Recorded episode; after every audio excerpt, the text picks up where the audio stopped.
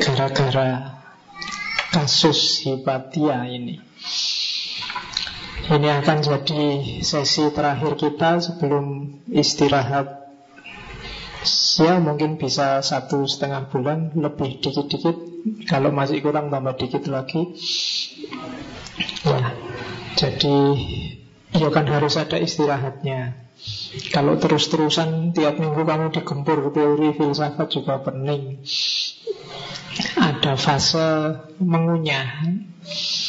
Jadi Hari ini kan ini semacam fase Nek bahasa Jawa ini ngemplok. Plok itu memasukkan ke mulut. Bahasa Indonesia ini apa ya? Belum menelan. Kalau menelan itu setelah dikunyah ditelan. Tapi ngemplok itu Yang memasukkan Gak ada Indonesianya. Ya susah ya kalau bahasa Indonesia Jadi Fase Ini kan fase memasukkan ke mulut Entah apa isinya kalian masukin aja Belum dikunyah Hati-hati jangan langsung ditelan kalau langsung ditelan, kalau tidak cocok sama perutmu, kamu akan muntah. Ilmu apa pun sebenarnya harus kalian kunyah dulu. Setelah dikunyah, dia akan cocok dengan metabolismemu, bisa kamu telan. Jadi fase Ramadan ya mungkin kalau ada rekamannya fase mengulang-ulang Kamu kunyah mana yang harus kamu muntahkan lagi Mana yang layak kamu telan itu gunanya saya juga gitu. Ini kan saya semacam mengeluarkan, tapi sebenarnya ini mengemplok juga. Tak kunyah lagi, jangan-jangan yang tak sampaikan itu tidak ada gunanya, terlalu berat, terlalu dalam apa-apa. Itu kan namanya fase mengunyah. Kalau masih enak, kita telan, besok kayak gitu lagi. Kalau nggak enak, ya dimuntahkan, besok jangan dimakan lagi. Itu fase Ramadan dan Sawal. Dan kita ketemu mungkin pertengahan atau akhir Sawal. Semoga nggak terlalu lama biar nggak lupa sama filsafatnya. Termasuk mungkin Ramadan saya agak longgar Saya harus minta maaf. Pada beberapa teman yang Pertanyaannya di Facebook lama tidak tak jawab-jawab. Karena butuh sedikit-sedikit ngejar referensi. Kasihan kalau cuma tak jawab ngawur. Mungkin di Ramadan saya bisa lebih nyaman. Teman-teman juga yang ingin diskusi mungkin saya bisa lebih santai kalau Ramadan. Jadi monggo ke Facebook inboxnya ya jangan di wall. Ya kalau di wall nanti ketahuan kamu tidak bisa. Ya beberapa juga tanya referensi ada yang sudah saya kasih ada yang belum. Insya Allah nanti saya kasih semua Cuma tidak bisa Ujuk-ujuk banyak Karena saya nyusun slide itu Tidak tidak selalu manteng buku Kadang-kadang slide-nya sudah lama ada Karena saya sudah lama juga ngajar filsafat Cuma Slide-nya tak panteng aja Biasanya muncul wawasan-wawasan baru Yang mungkin dulu nggak terlalu ngerti Sekarang ngerti Atau jangan-jangan dulu ngertinya sudah benar Sekarang melenceng Ya biasa kan kayak gitu. Tapi belajar filsafat itu jangan takut keliru. Karena ketika kamu keliru Berarti lahir filsafat baru. Yang beda sama sebelumnya. Jadi tenang aja. Kok kamu beda itu Derrida nggak harus gini Kok kamu pahami gitu? Nah berarti kamu melahirkan pikiran baru Beda sama Derrida Jadi lahirlah filsafat yang baru. Jadi nggak usah takut Kalau belajar filsafat salah. Salahmu itu berarti kamu genuine Lahir pikiran baru baru Termasuk beberapa yang di WA juga ada yang nanya panjang cuma belum tak respon. Kecuali yang iseng. Ada juga yang saya tidak tahu iseng apa perhatian Ada yang tiap pagi menyapa. Ya nah, Awal-awal tak jawab, cuma lama-lama yo akhirnya terakhir kali tak tulis idem lama-lama yo wes lah. Karena di grup saya ada sekitar 27 kalau tak latih di satu-satu kadang-kadang WA masuk itu ya tak biarin aja kapan-kapan dibaca. Ada yang rajin, ada yang rajin juga bangunin tahajud. Ya, ya tidak apa-apa lah berarti kan perhatian padaku. Ya, Dua tiga bulan ini ada yang baik sekali mungkin bukan bukan sini orang jauh ya. Jadi ngirim sesuatu tanda terima kasih ya enggak ada apa-apa. Yang jelas tanpa ngirim itu pun yang penting kita frekuensinya sama di ngaji filsafat ini. Apakah hadir atau hanya mendengarkan rekamannya. Termasuk yang tadi yang nanya-nanya. Dan saya sukanya itu kalau tanya WA itu panggilannya macam-macam ada yang manggil ustadz, ada yang manggil pak, ada yang kiai, ada yang manggilnya mbah yai. Iya, itu sing bikin bikin saya geleng-geleng nih ya kasihan dia sudah capek-capek pengen menghargai manggil mbah yai ya monggo lah ndak apa-apa. Uang itu cuma topeng aja kok. Ndak penting. Kalau kalau saya sibuk dengan topeng, apakah itu setuju apa bantah itu berarti ilmu ngajinya tidak kena sejak kemarin. Oke, jadi itu ya bagi teman-teman yang ngontak mungkin agak kok tidak dibalas-balas, yo insya Allah nanti Ramadan baru saya agak banyak waktu untuk balas satu-satu. Karena kasihan kalau kamu nanya serius-serius jawabnya nggak serius. Termasuk yang pesan buku. Cuma nanti yang pesan Pak mungkin yang bikin tulisan ya. Tokoh ini kemarin bukunya apa saja sih Pak? Enggak, enggak bisa instan. Saya harus ngecek lagi, inget-inget lagi kemarin dari mana saja. Jadi harus dicek dulu. Dan juga jangan Pak ini loh yang manusia langit ini apa aja Pak semuanya. Itu lebih lama lagi. Jawabnya pasti nggak bisa langsung Jadi jangan dianggap dicuekin. Cuma ya nyari waktunya agak lama memang Oke, kok sampai situ ya ngomong hebat ya. Oke, kita lanjutkan. Hipatia ini tokoh perempuan pertama. Ada yang bilang filosof perempuan pertama dalam sejarah. Meskipun dia mungkin lebih besar dari sekedar filosof karena dia juga saintis, ilmuwan ahli matematika, ahli astronomi, dan ahli filsafat yang rajin nonton film, yang rajin download film gratis pasti pernah lihat ini sekitar tahun 2014 ada film tentang Hipatia. Judulnya Agora. Ya kalau ingin lihat kamu ngopi aja di warnet-warnet yang menyediakan itu pasti ada dong filmnya film baru. Ini tentang ya Agora itu kalau bahasa Indonesianya pendopo. Sutradaranya Spanyol yang main Rachel Weisz. Rachel Weisz itu yang Ya, demamnya satu dan dua Cuma di demamnya tiga dia hilang. Sekarang jadi istrinya James Bond, Daniel Craig. Kemarin nikah tahun 2011 Ya bang, oh, itu gosipnya gaya, gosipnya bara Jangan gosip kelas Indonesia, rugi. Iya, nah, gosip Indonesia paling kamu ketemunya Julia Perez, Dewi Persik, tidak seru. Gosipnya agak elit dikit, Gosip kayak Oke. Jadi itu cuma di film itu Yang menonjol dramanya. Tawurannya dan perangnya. Pikiran-pikirannya ya pasti tidak muncul. Karena kalau muncul jadinya bukan film tapi ngaji. Harus dimaklumi. Dramanya lebih banyak. Oke. Jadi Era Hipatia ini adalah era ketika Kristen mulai besar dan mulai balik dalam tanda petik ya semacam balas dendam terhadap agama-agama pagan. Sama kayak ketika Islam datang menghancurkan agama berhala sebelumnya.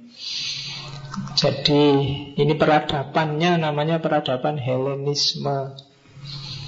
Jadi Romawi itu dulunya kan bagian dari Yunani.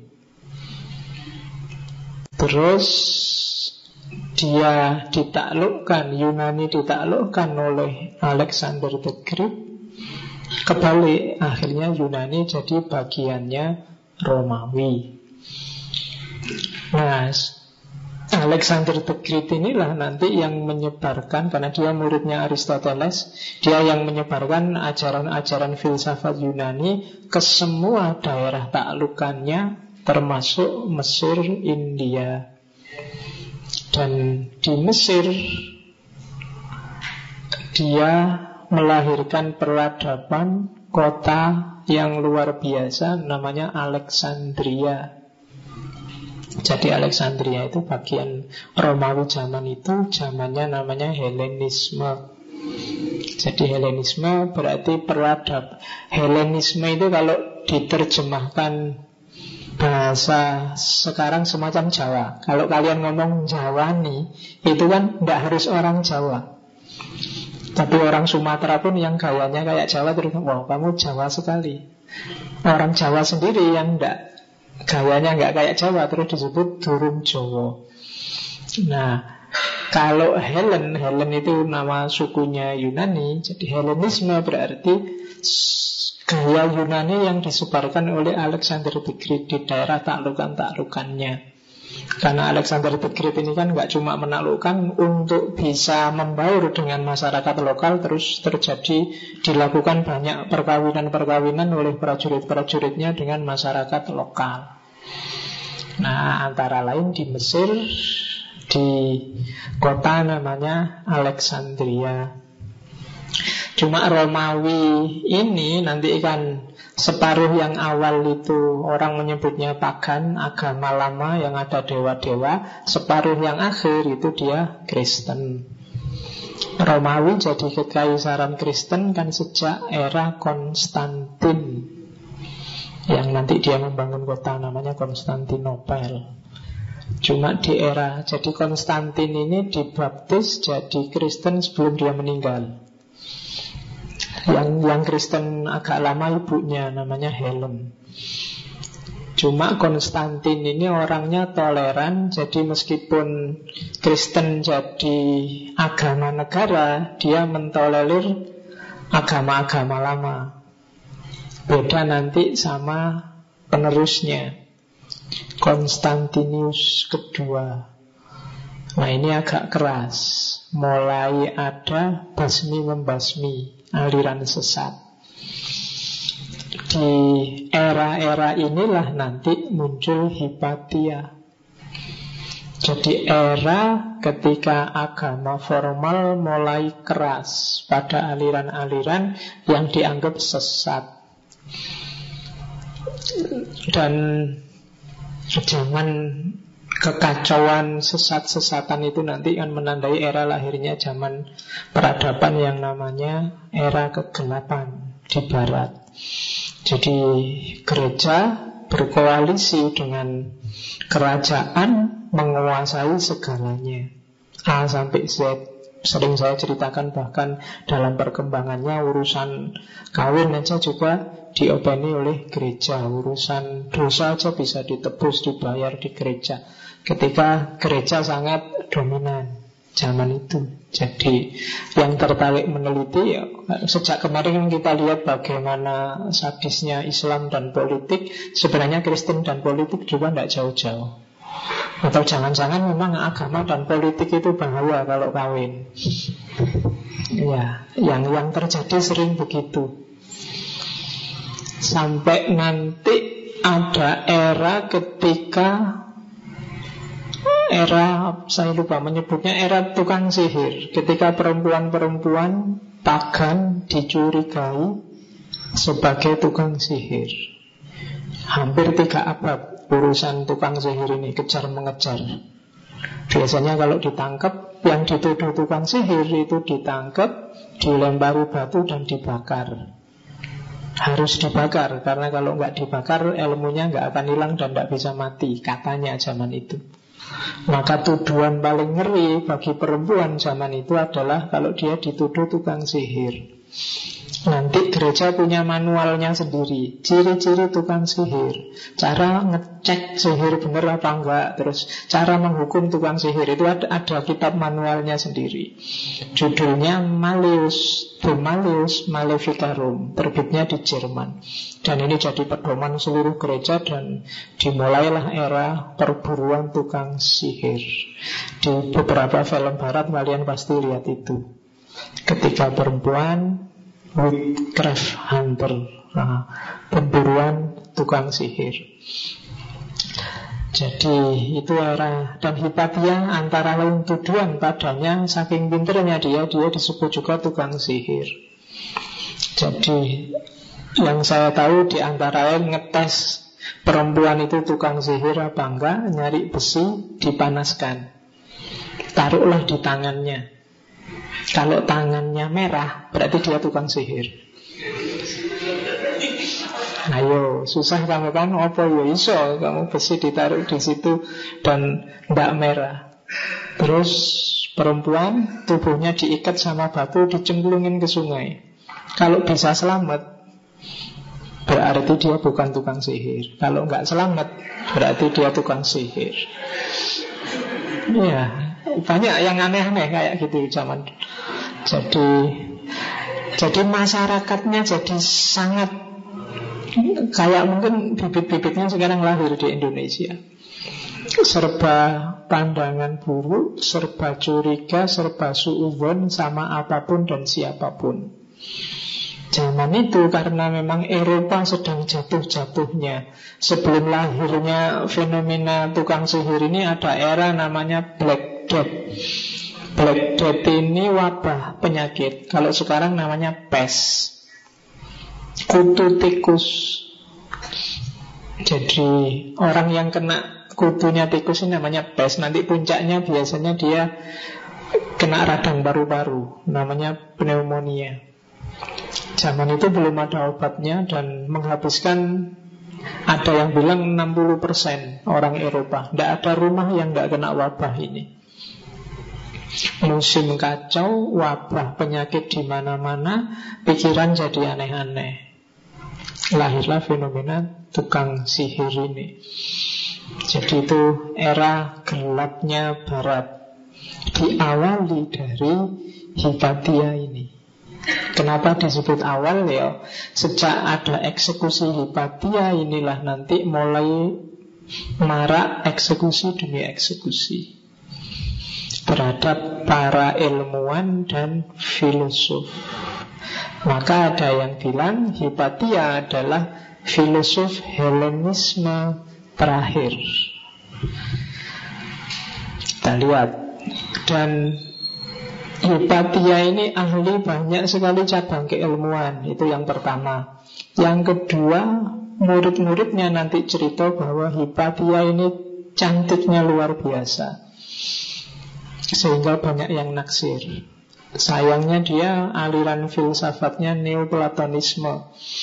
Dan beberapa konsekuensinya Akhirnya dia tidak suka sama dunia dan materi Akhirnya tidak kawin. Eman-eman ya. Eh, atau jangan-jangan kalau dia kawin nggak jadi filosof dan ilmuwan akhirnya. Mikir ngomong anak dan nyusui. Jangan-jangan gitu, ya bisa jadi juga. Jadi itu Hipatia. Tidak ada orang yang tidak kagum sama Hipatia. Murid-muridnya banyak, termasuk nanti beberapa yang balik jadi musuhnya.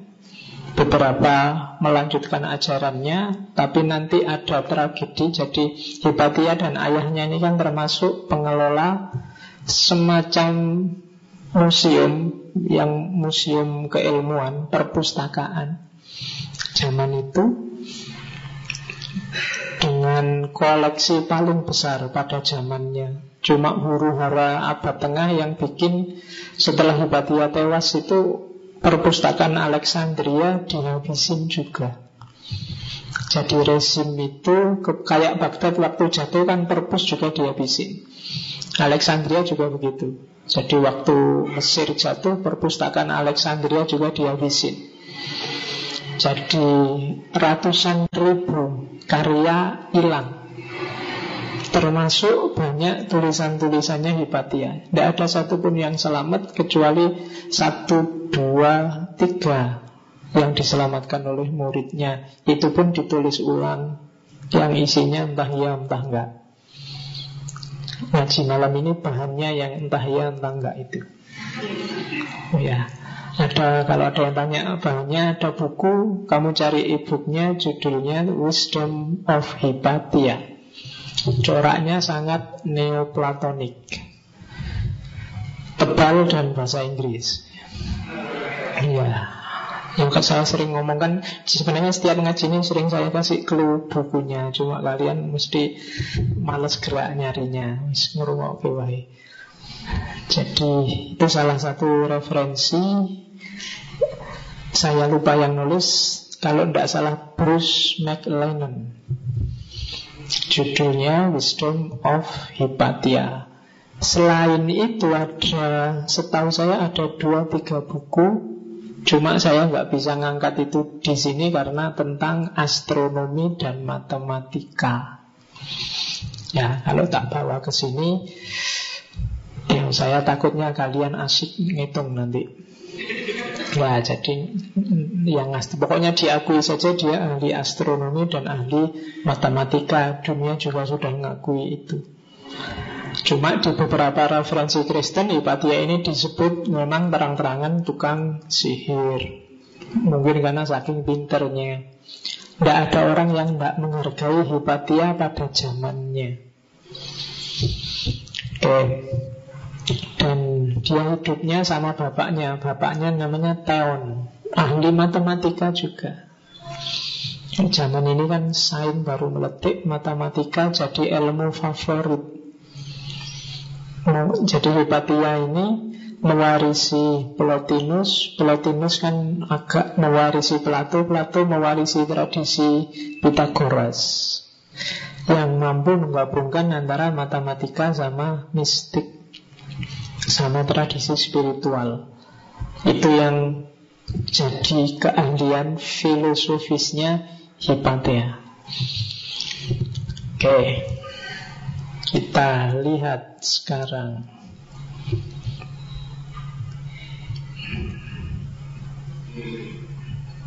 Hmm. Oke, ini ini lukisan judulnya School of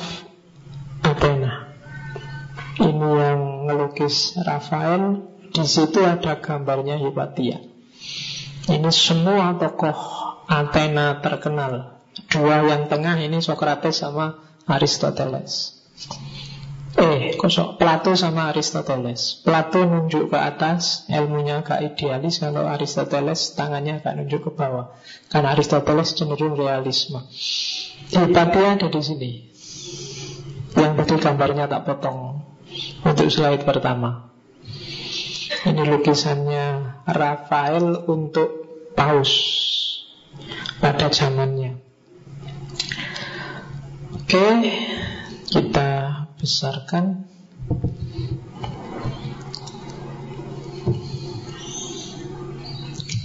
Gambarnya tidak keluar-keluar. Nah ini sumbangan yang terkenal dari Hipatia untuk astronomi. Yang pertama astrolab, astrolabo, usturlab, kalau bahasanya khawarizmi. Jadi usturlab itu alat kalau kalian ngerti di masjid-masjid zaman dulu itu nyari kiblat pakai ini perbintangan, ramalan, zodiak pakai ini. Jadi ini untuk mengukur benda-benda langit. Namanya astrolabe. Kalau ini kan termasuk masjid modern, jamnya jam biasa. Tapi yang masjid kuno itu biasanya di depan masjid yang harus terkena matahari ada semacam astrolabe itu untuk ngecek ini sudah masuk waktu zuhur apa belum. Masjid lama, orang lama lebih cerdas. Kalau kalian kan sekarang tidak ada yang bisa baca kayak gitu. Ya, ya sebenarnya sederhana sih kalian pakai kayu satu aja kan bisa. Kalau baris kayunya lebih panjang berarti sudah masuk waktu. Kalau belum ada rumus-rumusnya. Tapi itu orang dulu yang bisa. Nah sekarang enggak, agak susah. Kalian bisa baca jam aja syukur kan? Ya, Alhamdulillah. Kalkulator kan juga gitu yang kalkulator bagian saintifik kan nggak pernah dibuka ya biasa hitung-hitungan itu.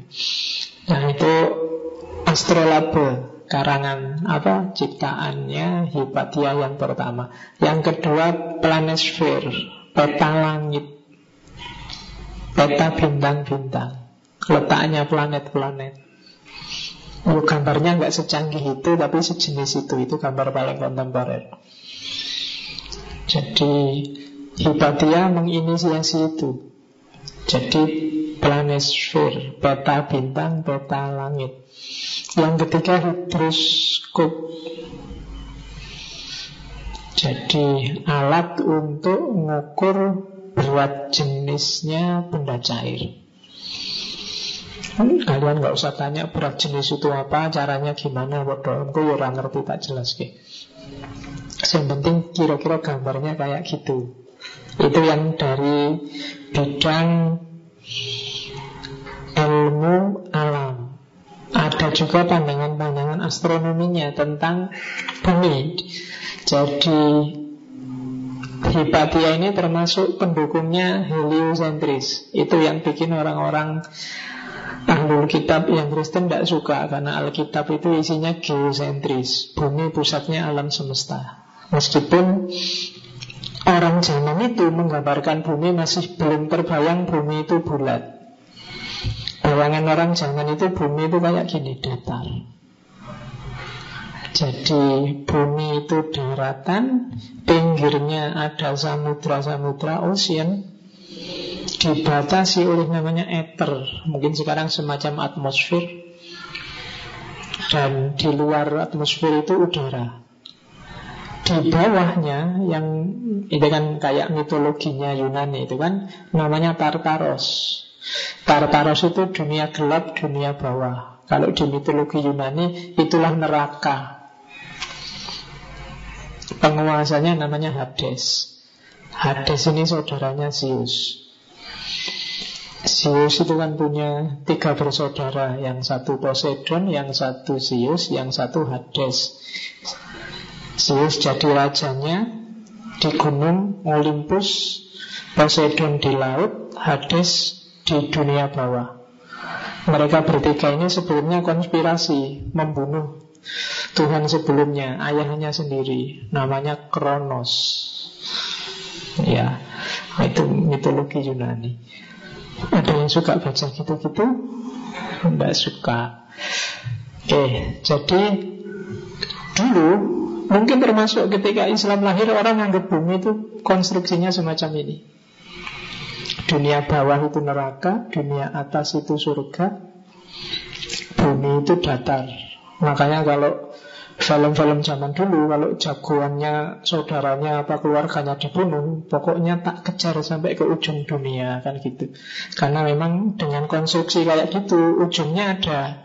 Sampai kamu kepepet, lari ke laut pun tak kejar lagi. Seandainya sampai ujung laut, kamu akan jatuh ke dunia bawah. Itu pun tak kejar juga.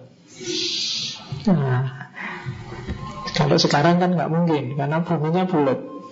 Ujungnya di mana nggak jelas. Nanti kamu lari ke sini muter lagi ke timur terus, kamu akan nyampe di Masjid Sudirman lagi dari barat.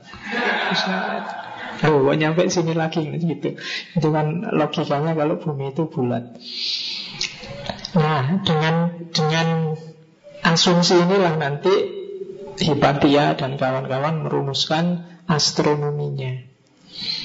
Dan ini memang khas Yunani Karena memang orang-orang Helenisme kan pewarisnya Yunani. Oke Tuduhan yang bikin Hipatia dieksekusi adalah Yang pertama mengkritik agama formal. Ya zaman itu Kristen. Jadi sama kayak kemarin Syekh Siti Jenar Kemudian sebelumnya ada Al-Halaj Itu kan mengkritik formalisme dalam agama. Jadi agama formal itu kan sering membakukan sesuatu yang formal sehingga kehilangan isi hakikatnya. Sholat ya berhenti di syarat rukunnya. Puasa berhenti di tidak makan, tidak minumnya. Zakat berhenti di dua setengah persennya Kehilangan hakikatnya. Orang bisa sholat sekaligus masih maling, masih korupsi. Orang bisa haji sekaligus masih curang. Itu berarti apa? Keberagamaan yang hanya peduli pada formalitasnya. Dan itu yang dikritik oleh Orang-orang seperti Al-Halaj, Syekh Siti Jenar Dan termasuk juga Hipatia Jadi Kristen yang mulai jadi institusi. Institusi agama.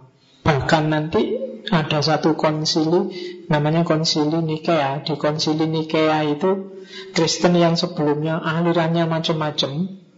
Kemudian bikin semacam konferensi terus jadi dulu itu aliran-aliran ini ada yang Yesus itu ya tetap kayak nabi bukan Tuhan. Ada yang memang anggap Yesus itu Tuhan. Ada yang anggap oknumnya tiga kayak sekarang itu. Terus dibikin konsili gegeran akhirnya dipilih suara terbanyak dan suara terbanyak milih Trinitas. Jadi itu hasil konsili sebenarnya termasuk mana nasnya Alkitab yang disepakati dan seterusnya. Yang kayak gini ini yang dikritik oleh Hipatia. Dan gak banyak orang yang siap dikritik. Kritik dianggap anti dan tidak suka. Nah itu yang sering jadi sumber masalah. Jadi kalau ada orang kritik dianggap musuhnya Nah, itu sumber masalah. Sejak kemarin Sejak sesi jenar Sejak al-halaj. Yang kedua Hipatia ini masih ikut tradisi lama. Tradisi menyembah dewa-dewa Bahkan Hipatia lebih suka mengajarkan dewa-dewa yang perempuan. Jadi yang yang perempuan ini kan yang menurut Hipatia powernya jauh lebih besar. Zeus itu banyak banyak ketipu, banyak kejebak oleh dewa-dewa perempuan ini. Mulai Hera, mulai macam-macam namanya banyak. Ya kan? Jadi itu yang jadi fokusnya Hipatia dan ini nanti yang bikin Hipatia jadi idolanya kelompok feminis. Jadi ini filosof pertama yang tidak usah gembor-gembor bahwa dia feminis, dia secara sekaligus membela perempuan dan jadi bukti bahwa perempuan bisa naik derajatnya bahkan bisa ngajari laki-laki. Karena dia gurunya banyak sekali laki-laki zaman itu dan itu sudah luar biasa. Terus yang ketiga pandangan-pandangannya yang cenderung neoplatonik. Nanti kita banyak ngomong tentang neoplatonisme. Dan yang ketiga astronominya Yang cenderung heliosentris Itu yang bikin dia dieksekusi pada akhirnya. Dan jangan salah dieksekusinya nggak sekedar dipancung Jadi Hipatia itu. Kalau di film ada penghalusan-penghalusan Tapi aslinya di naskah Naskah yang ada di barat itu Jadi dia diseret, kemudian ditelanjangi, dipukuli sepanjang jalan, terus dimutilasi, terus dibakar.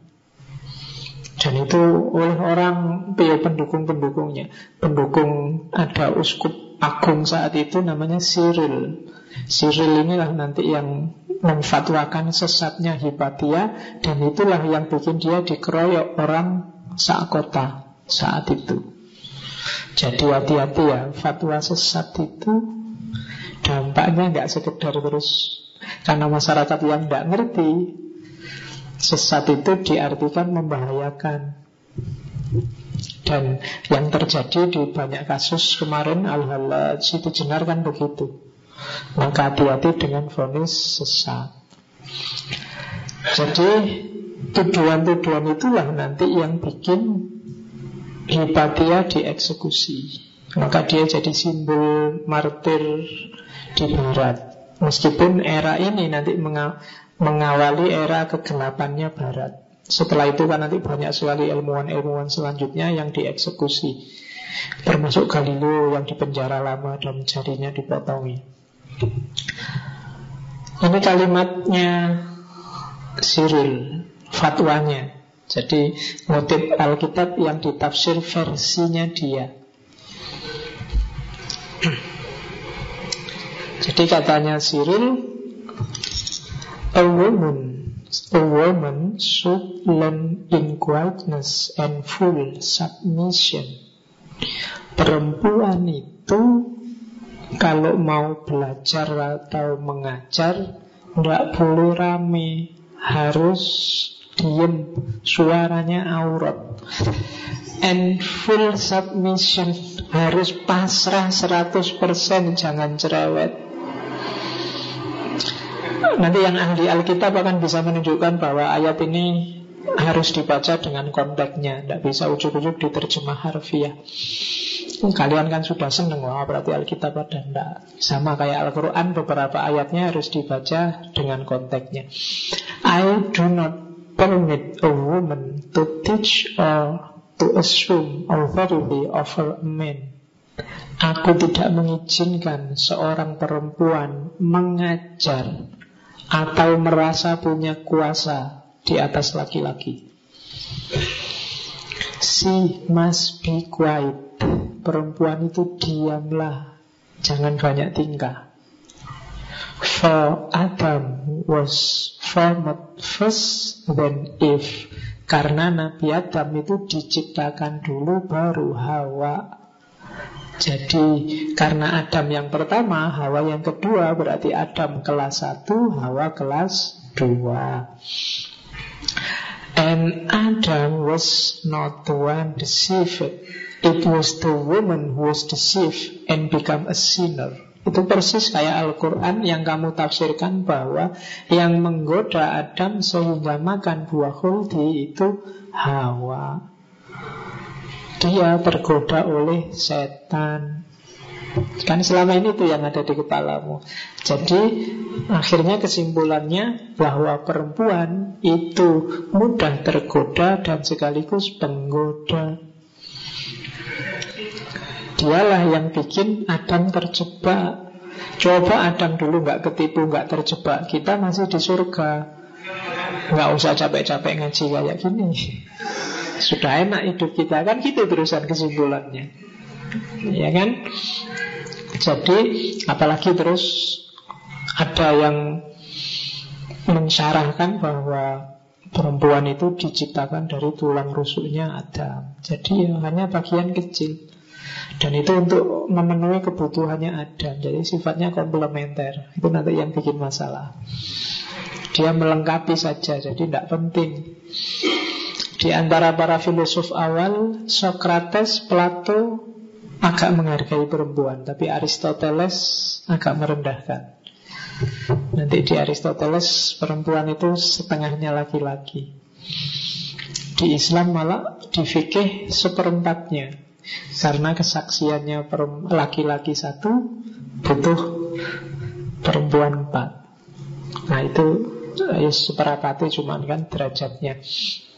Itu lagi-lagi tafsir Tergantung orang menafsirkannya Membacanya seperti apa Oke Atau jangan-jangan laki-laki dan perempuan itu Jangan dibaca gendernya Tapi dibaca kualitasnya. Jantan dan betina. Kalau ada laki-laki yang betina Wah ini kesaksiannya butuh empat juga itu. Atau begitu. Nah kalau perempuan yang jantan mungkin dia butuhnya satu. Atau feminin dan maskulin. Kalau ada laki-laki yang feminin Nah mungkin memperlakukannya ya kayak perempuan. Kalau ada perempuan yang mas Atau begitu Tafsir itu bisa bisa ke mana-mana Tergantung asumsinya. Nah Siril ini pakai ayat ini dari Alkitab Untuk mengeksekusi Hipatia. Kalau ada perempuan kok di atas laki-laki karena Hipatia saat itu muridnya banyak dan kebanyakan cowok. Itu dianggap menyalahi aturan. Perempuan nggak boleh kalau dia mau ngajar ya sesama perempuan. Nanti timbul fitnah. Ah, saya tidak tahu fitnahnya dari perempuannya apa laki-lakinya. Oke, padahal dalam ceritanya banyak yang jatuh cinta pada Hipatia, tapi dia cuek. Tidak mau karena dia lebih lebih jatuh cinta sama ilmunya. Nanti di Neoplatonismenya sebenarnya dia lebih cinta sama Tuhannya. Kita lihat. Oke, dua filosof Helenisme terakhir tadi saya jelaskan. Helenisme itu sama kayak Jawa tadi. Ini sudah saya jelaskan tadi di awal.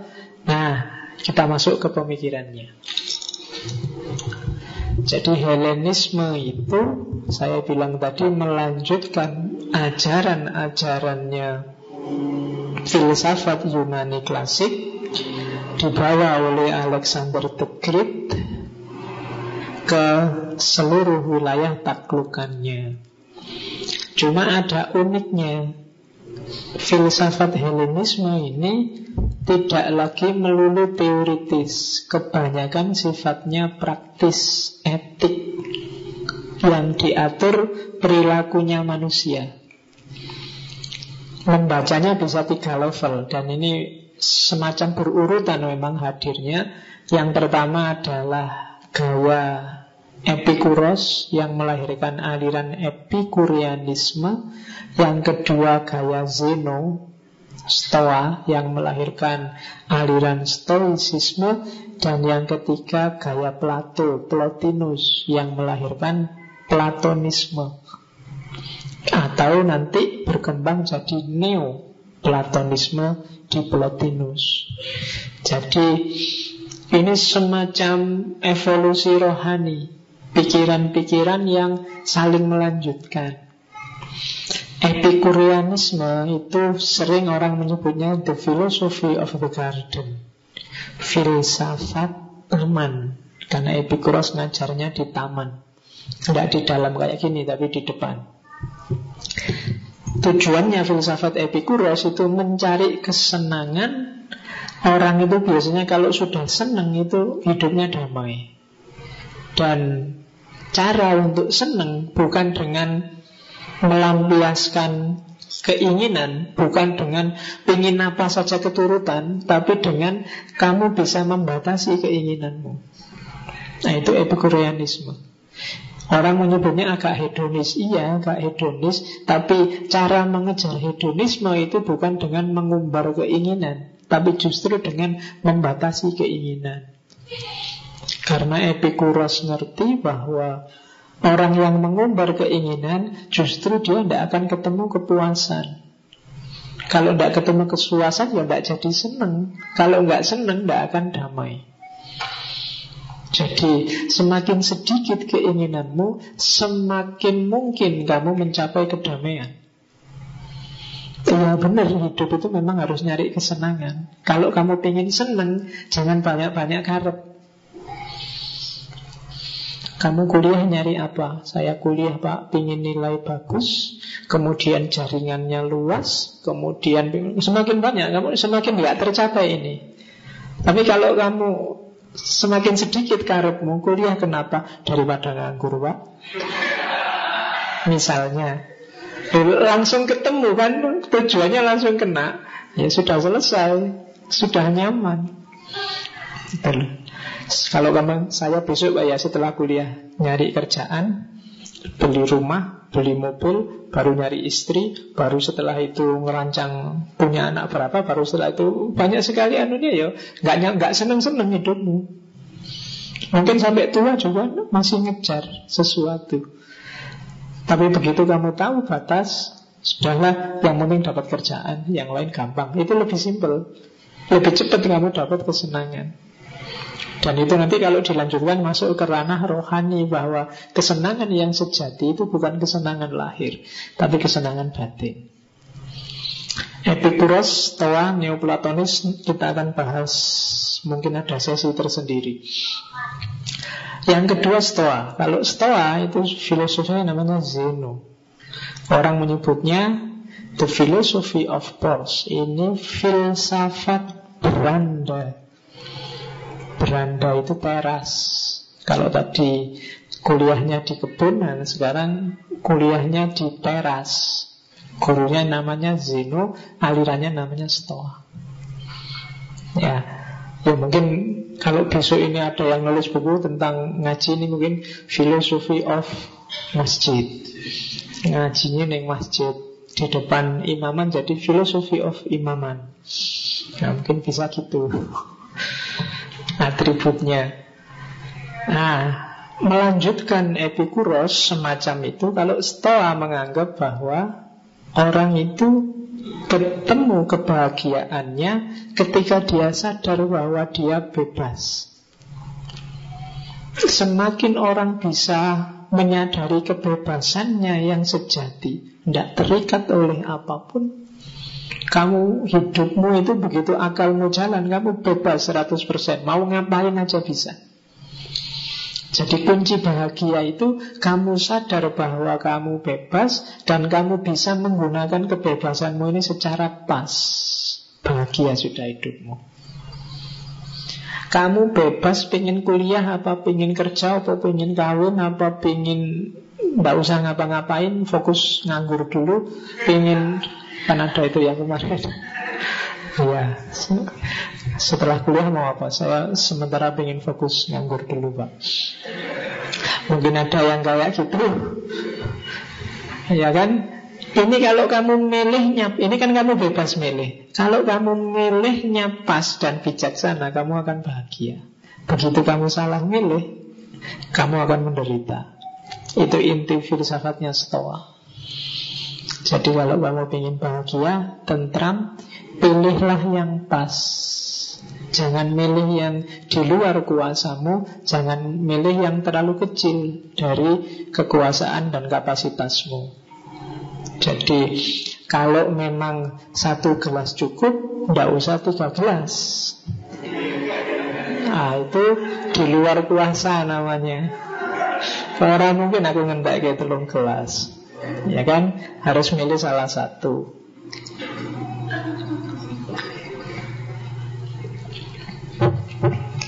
Dan menggunakannya harus bijaksana. Sebenarnya bebas saya milih mana saja atau tak minum dikit-dikit semua. Cuma kalau tak minum dikit-dikit Sisanya nggak akan ada yang mau. Kalau tak minum satu ini kan Mama boleh lah yang itu Yang mau jus nanti boleh duluan ke sini setelah saya. Oke. okay. Loh ya kan Loh itu bijaksana namanya Jadi tahu bagaimana menggunakannya secara bijaksana. Itu juga sumber enak, sumber bahagia. Oke.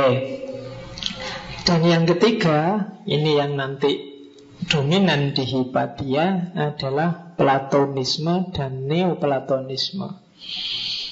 Neoplatonisme dan Platonisme itu basis ajarannya kan ideanya Plato. Cuma ketemu dengan religiositas timur tradisi mistik timur, India, Mesir, dan lain-lain. Itu yang bikin nanti baunya sangat mistik. Kalau di Islam sangat sufistik. Dan nanti banyak tokoh filosof muslim Al-Farabi, Ibnu Sina Yang gayanya itu gaya neoplatonik Termasuk teori yang sangat terkenal namanya emanasi Itu sebenarnya pengaruh dari Plotinus dengan neoplatonismenya melanjutkan ajarannya Plato, Platonisme. Plato juga sebenarnya diduga gagasannya tentang idea dan yang semacam itu dapatnya dari timur. Karena 12 tahun setelah eksekusi Socrates, Plato ini agak stres terus dia mengembara selama 12 tahun ke timur termasuk ke Mesir. Dari situ diduga dia dapat gagasan-gagasan yang baunya sangat spiritual. Termasuk mungkin ada yang pernah baca teorinya tentang Atlantis. Yang bagi beberapa ilmuwan Atlantis dulu itu peradaban maju manusia paling awal. Sehingga Profesor Santos yang dari Brasil itu anggap sebenarnya Atlantis dulu pusatnya di Indonesia ini Kepulauan Nusantara ini sesuai dengan sekitar 20 ciri yang dicari dari berbagai sumber. Kehancurannya yang awal karena letaknya di deretan gunung berapi yang gunung ini meletus bareng. Yang itu bikin Indonesia itu kan kayak pulau besar yang pecah-pecah. Tuh, itu Santos kamu cari aja tentang Atlantis, peradaban tertua yang namanya peradaban Lemuria. Dan ada yang bilang kehancurannya orang-orang Atlantis itu karena pergesekan di antara mereka sendiri. Setelah hancurnya Atlantis nanti lahir peradaban besar manusia kedua pusatnya di kalau sekarang India. Yang kehancurannya jadi pusat peradabannya di sekitar India ya setelah Babilonia dan lain-lain tapi yang paling menonjol itu fase kedua ini dihancurkan di era Mahabharata. Jadi perang yang disimbolkan sebagai Barata Yuda itu yang coba dicari di internet nanti ada di Medan yang dulu dianggap Kurusetra itu banyak sisa-sisa radiasi nuklirnya. Dianggap perang besar yang paling merusak zaman itu. Itu nanti melahirkan fase peradaban timur yang ketiga. Ada yang bilang jadi setelah era kehancuran ini khazanah pengetahuan yang disebut oleh Setu Senasar sebagai saintia sakra orang menyebutnya perennialisme oleh para aulia, para ulama, para santo yang memegang rahasia ini tidak diobral lagi. Jadi dikeluarkan sedikit demi sedikit. Karena kalau dikeluarkan semua akan lebih rusak karena karakternya manusia yang agak sombong, angkuh, merasa paling besar. Termasuk ketika Barat maju itu hanya dikasih separuh khazanah, khazanah materi. Sehingga kehilangan khazanah kedua, khazanah spiritual Sementara di zaman-zaman sebelumnya kayak Atlantis itu orang bisa menggabungkan dunia materi sama dunia rohani. Sehingga ada cerita lampu-lampu di Atlantis itu orang tidak pakai teknologi batu bara, teknologi PLTA, PLTN, enggak. Teknologi mental. Jadi mentalnya saja bisa jadi hasanahnya itu Dan biasanya dulu terus rumusnya disimbolkan pakai alchemy Kimia Yang pakai kata-kata sandi bahwa Mengubah pasir jadi emas Mengubah apa pun bisa jadi emas Ilmunya namanya alchemy Cuma ini perlu digali lebih jauh lagi. Isunya banyak, saya tidak tahu energimu nyampe apa enggak kalau tertarik ke sana. Karena butuh serius. Profesor Santos itu puluhan tahun meneliti itu. Itu pun setelah dikeluarkan teorinya, banyak orang bantah, banyak orang tidak setuju. Di Indonesia sangat banyak peninggalan-peninggalan yang sampai hari ini belum muncul ke permukaan. Karena Kalian belum serius. Kapasitasnya belum nyampe. Ilmumu yang ilmu masih ilmu lahir. Kamu masih bulat di materi dan rasio. Keluar itu masih belum bisa Maka banyak khazanah tersisa yang Masih belum bisa kita ungkap. Ya Tugasmu mungkin ya generasimu Kalau generasiku masih susah Masih bahas pilihannya Ahok aja kan nggak nyampe-nyampe Oke, pikiran kita kan ke situ terus, nggak pernah agak agak mikir ke jalur yang alternatif. Oke, lanjutkan sampai ke sana ya. Saya tidak tahu ya kapan-kapan kita ngomong peradaban-peradaban alternatif. Alternatif itu berarti entah ya entah enggak, tapi menarik untuk dibahas. Termasuk Indonesia kuno dan Jawa kuno. Neoplatonismenya Plotinus itu fokusnya adalah membahas tentang dewan. Ini yang dewan itu kalau bahasa Yunaninya adalah Tuhan. Saya tidak tahu ya. Nanti jangan-jangan itu yang diserap ke Indonesia jadi Tuhan. Ya, jadi itu bahasa Yunaninya itu. Tuhan biasanya kalau di filsafat isu Tuhan and the many. Bagaimana yang many itu sebenarnya adalah juga Tuhan. Bagian daripada Tuhan. Itu fokusnya ke situ. Ajarannya persis mirip kalau Farabi kayak Ibnu Sina bahwa yang wajib wujud pasti ada itu one. Sementara yang the itu adalah limpahan dari the one. Jadi Tuhan itu melimpah, melimpah, melimpah. Makanya ada ada dua gerakan alam semesta ini ada namanya way down dan way up dialektika menurun dan dialektika menaik. Dialektika menurun itu ya emanasi tadi. Bahwa Allah itu berpikir tentang zatnya terus melimpah. Lahirlah nos, akal. Pertama, yang di Al-Halaj kemarin disebut Nur Muhammad. Dia jadi prototipenya semua makhluk. Kalau di sufi kadang disebut akal mustafat di filsafat Islam. Jadi melimpah ke bawah terus melimpah lagi. Jadi limpahan pertama itu tadi akal limpahan selanjutnya jiwa, psyche dan limpahan terakhir itu baru meter materi. Kalau di Farabi limpahannya nggak cuma tiga tapi jadi sepuluh. Dan akal manusia ada di level 10 Tapi di Plotinus itu 1, 2, 3 3 Jadi akal yang jadi sumber segalanya Nous, non, baru terus jiwa, baru terus materi. Nah itu nyawa teorinya Neoplatonisme. Cuma Plotinus nggak cuma sampai di situ. Kalau sudah sampai di bawah harus naik lagi ke atas. Namanya dialektika menaik. Kalau tadi kan melimpah dari Tuhan ke bawah. Sekarang harus naik lagi kembali ke yang sejati. Jangan jauh-jauh dari pusatnya. Semakin jauh dari pusatnya, kalau bahasanya sufi kan semakin jauh dari cahaya, kamu semakin gelap.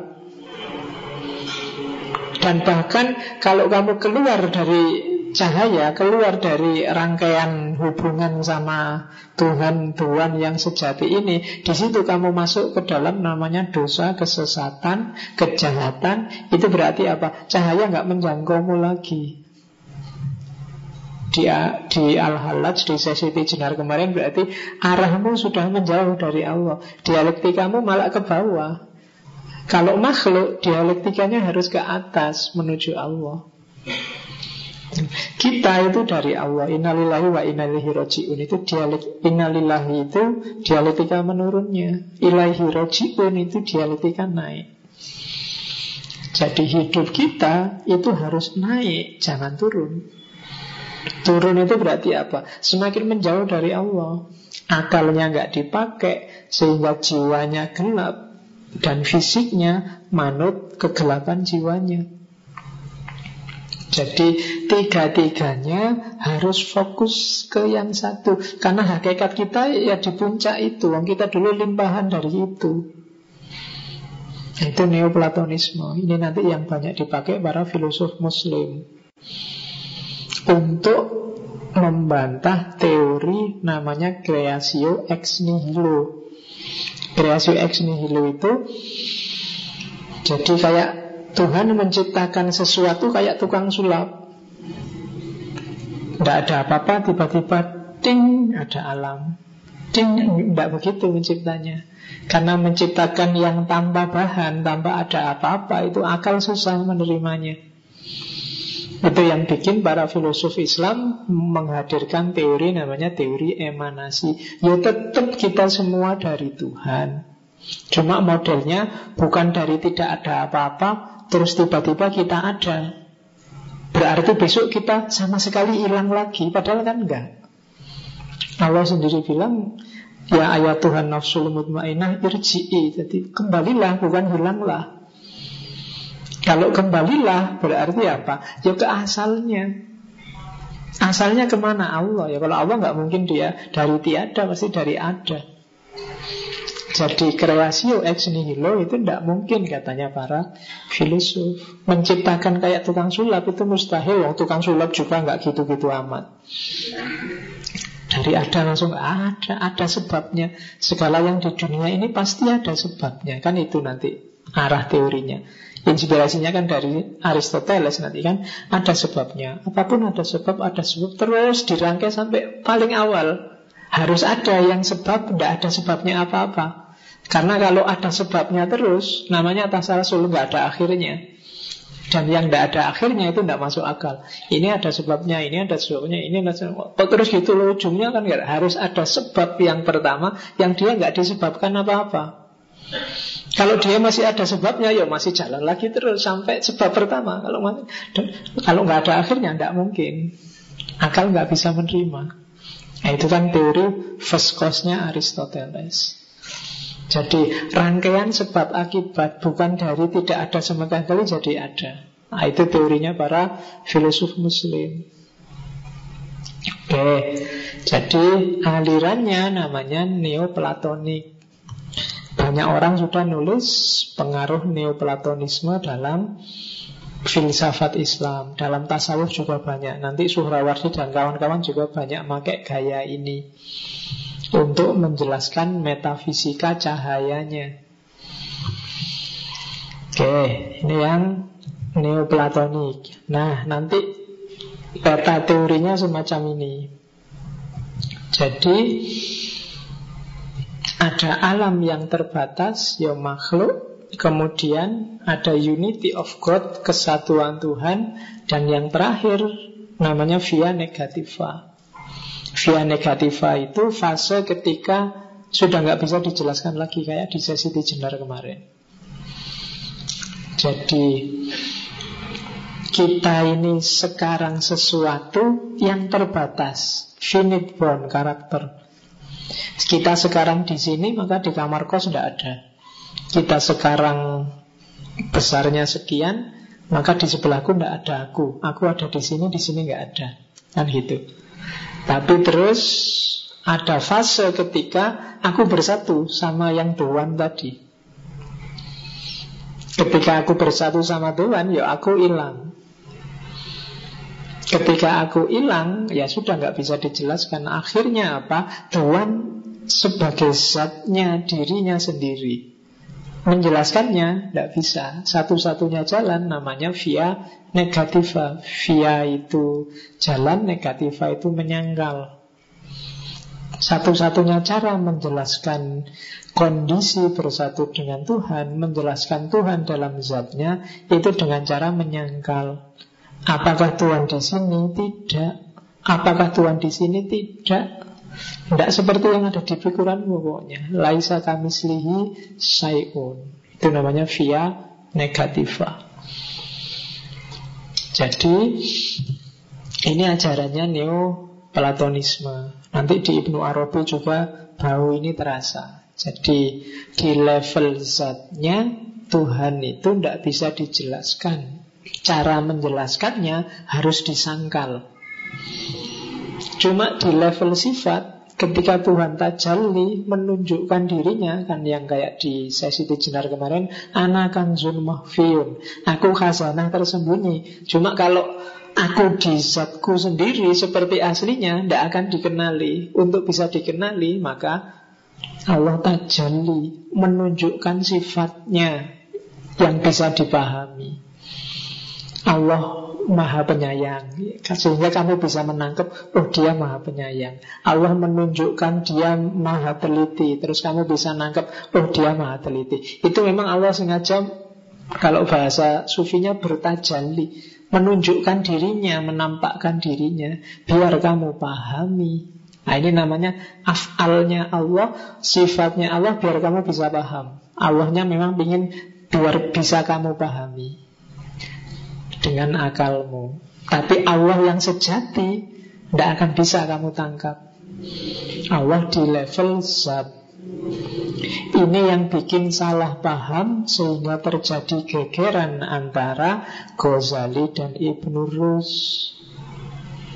Ghazali melihat Allah di level sifat yang itu tajallinya Ibnu Rus melihat Allah di level zat Itu yang bikin lahir tahafut tahafut, tahafut falasifah yang Ghazali mengkafirkan para filosof. Sementara Ibnu Rus membantah Ghazali di tahafut tahafut itu karena misidentifikasi. Yang satu ngomong di level teologis yang satu ngomong di level filsafat. Mesti tidak ketemu. Sayangnya jaraknya jauh antara Ghazali sama Ibnu Rus Sehingga kelihatannya kayak tabrakan Coba hidup di masa yang sama Mungkin malah ketawa-ketawa Lahir kitab baru yang luar biasa mungkin Ya dan orang biasanya terus kadang-kadang yang pro Ibnu Rus mengkritik Ghazali, yang pro Ghazali mengkritik Ibnu Rus. Padahal mungkin seandainya dua-duanya ketemu, wah kita ternyata sebenarnya karepnya sama loh. Cuma membahasakannya aja beda dan orang-orang memang sukanya gegeran. Jadi kalau kalau kalau ditunjukkan bahwa kita itu tidak beda itu tidak mau. Maunya pokoknya aku gini, kamu mesti sesat, mesti salah, selalu begitu. Dan itu problem one and the many. Nah, gaya neoplatonik itu sering disebut sebagai transcendentalisme. Jadi transcendentalisme itu belief in a higher kind of knowledge that can be achieved by human reason. Jadi percaya ada pengetahuan yang lebih tinggi yang bisa dicapai oleh manusia dibandingkan hanya sekedar yang sifatnya materi sebenarnya. Jadi saya bilang tadi, kita sering hanya fokus pada yang rasio dan yang empiris. Tapi transcendentalisme bilang bahwa ada pengetahuan yang lebih tinggi daripada yang sifatnya materi. Asumsinya apa? God give humankind the gift of intuition, of insight, of inspiration intuisi, wawasan baru, inspirasi, itu kan sesuatu yang tidak bisa ditangkap oleh akal normal. Itu beyond, sifatnya higher. Nabi Muhammad mikir sendiri nggak akan bisa nemu ikro. Tapi ketika intuisinya menajam, Jibril datang, nyampe dia di ikro. Para ulama besar, para sufi juga begitu. Intuisi. Makanya orang dulu suka kontemplasi, suka itu dalam rangka apa? Nyari inspirasi, nyari insight, menajamkan intuisi. Semakin intuisimu tajam, kamu bisa menangkap yang tidak bisa ditangkap oleh orang yang hanya pakai akal atau fokusnya hanya materi. Itu yang terjadi di para wali. Epistemologi kayak gini itu coraknya namanya transcendentalisme. Oke. Nah, cirinya apa? Kalau sudah kayak gini itu Yang pertama oversoul Jadi untuk intuisimu tajam Sadarilah bahwa Dirimu itu Mikrokosmos Makrokosmos sekaligus Tuhan. Mikrokosmos itu jagat kecil yang di jagat kecil ini terkandung semua elemen jagat besar, makrokosmos, dan sekaligus ada dimensi ketuhanan dalam dirimu. Hidupkan semuanya. Nah, itu yang agak berat. Itu namanya oversoul. Jangan berhenti di dirimu yang sekarang. Jangan membesarkan ego manusiamu saja. Jangan hanya ngopeni yang mikro. Dalam dirimu simbolisme makro juga kuat. Bahkan hakikat roh dan sirmu itu Allah Tuhan. Itu namanya oversoul. Melampaui ego mentalitasmu sehari-hari. Itu ciri transcendentalisme. Jadi tidak egois kayak manusia modern. Terus yang kedua adalah segala sesuatu ada tempatnya sendiri. Kalau di Jawa ini namanya ilmu titen. Orang Jawa yang pengen waskito harus dalam di ilmu titen. Ilmu titen itu apa sih? Segalanya ini ada tempat dan waktunya sendiri. Segala hal. Maka di antara tugasnya filsafat know yourself itu masuk ke dalam diri, sadari tempatmu, kebiasaanmu, rotasi hidupmu, daur kehidupanmu kayak gimana, sekelilingmu kayak gimana. Nah, itu gaya transendentalisme. Kalau di Jawa, kalau kamu ingin jadi orang pinter, orang sakti, yang waskito, itu kan namanya ilmu titen. Bisa membaca kalau kamu kayak gini nanti kamu mesti begitu. Dan ini bisa dirumuskan. Kalau bulan-bulan kayak gini ini sebentar lagi akan ada. Kok tiba-tiba ada burung bunyi kayak gitu? Itu itu pakai akal tidak bisa. Hubungannya apa burung sama orang mati? Hubungannya apa burung Tidak bisa. Tapi itu namanya ilmu titen. Jadi hidupmu sama alam itu nyambung. Sama Allah juga nyambung. Selama ini kita egois Mau anggap Aku yo aku, alam itu di bawahku Dan Tuhan di atasku. Jadinya tidak dialektis Kamu memperbudak alam Menyembah Tuhan yang seolah-olah jauh Akhirnya eksploitasi Kamu anggap kalau alam rusak Tidak apa-apa kalau kamu sehat Kamu nggak sadar kalau alam rusak Kamu juga rusak Nah, itu transcendentalisme Oke, ya nanti diulang lagi rekamannya waktu puasa. ya, kamu akan dapat banyak masukan. Yang kedua, individualisme. Tapi mendefinisikannya nggak kayak individualisme barat ya. Individualisme itu apa? Pengetahuan yang sejati itu sifatnya intuitif. Ada dalam diri. Jadi pengetahuan di luar dirimu itu yang bisa benar bisa enggak tapi yang kamu rasakan sendiri itu levelnya individual tapi lebih akurat ya kan kamu baca buku-buku tentang pacaran saat perpustakaan itu tetap kalah dengan yang punya pacar iya kan kenapa yang punya pacar ngerasa kayak dewe Pengetahuannya hadir dalam dirinya, ngerti. Sementara yang baca buku, pengetahuannya di luar dirinya. Jadi lebih ngerti yang ini, level pengetahuannya lebih anu yang ini. Jadi lebih intuitif. Nah, kalau kamu kan bahkan rasional kan belum, paling imajinatif. Bayangke kira-kira punya pacar gimana kan cuma itu. Itu masih di bawahnya yang nyari di perpus tadi. Jadi itu kan kamu nyari referensi. Jadi individualis. Terus nature is truth itu asumsinya. Jadi alam semesta ini ada hukumnya, ada kebenarannya, ada rumusnya. Ikutilah rumusnya. Kalau kamu ingin ketemu kebenaran yang sejati Intinya itu Kalau ingin pinter ya belajar Ya kan? Kalau ingin kenyang ya makan, kalau ingin tidak haus ya minum. Itu ada rumusnya. Jadi nature is truth, tidak bisa dibohongi. Namanya sunnatullah. Jadi transcendentalisme itu memedomani lima hal itu bahwa hidup kita ini tidak sendirian. Kita adalah bagian dari alam semesta dan inti jati diri dalam diri kita itu sifatnya ketuhanan. Segala sesuatu ada makomnya sendiri. Itu yang tadi belum. Yang ketiga optimistik. Optimistik itu segalanya bagus kecuali yang tidak pada tempatnya. Evil is illusion. Illusion itu Setan yang jahat itu sifatnya ilusif, ketertipuan. Hakikatnya tidak begitu. Ketika orang kehilangan cahaya, lahirlah kejahatan, lahirlah kegelapan. Jadi gelap itu bukan karena gelap itu tidak ada. Yang ada apa? Cahaya nggak menjangkau dia. Gitu.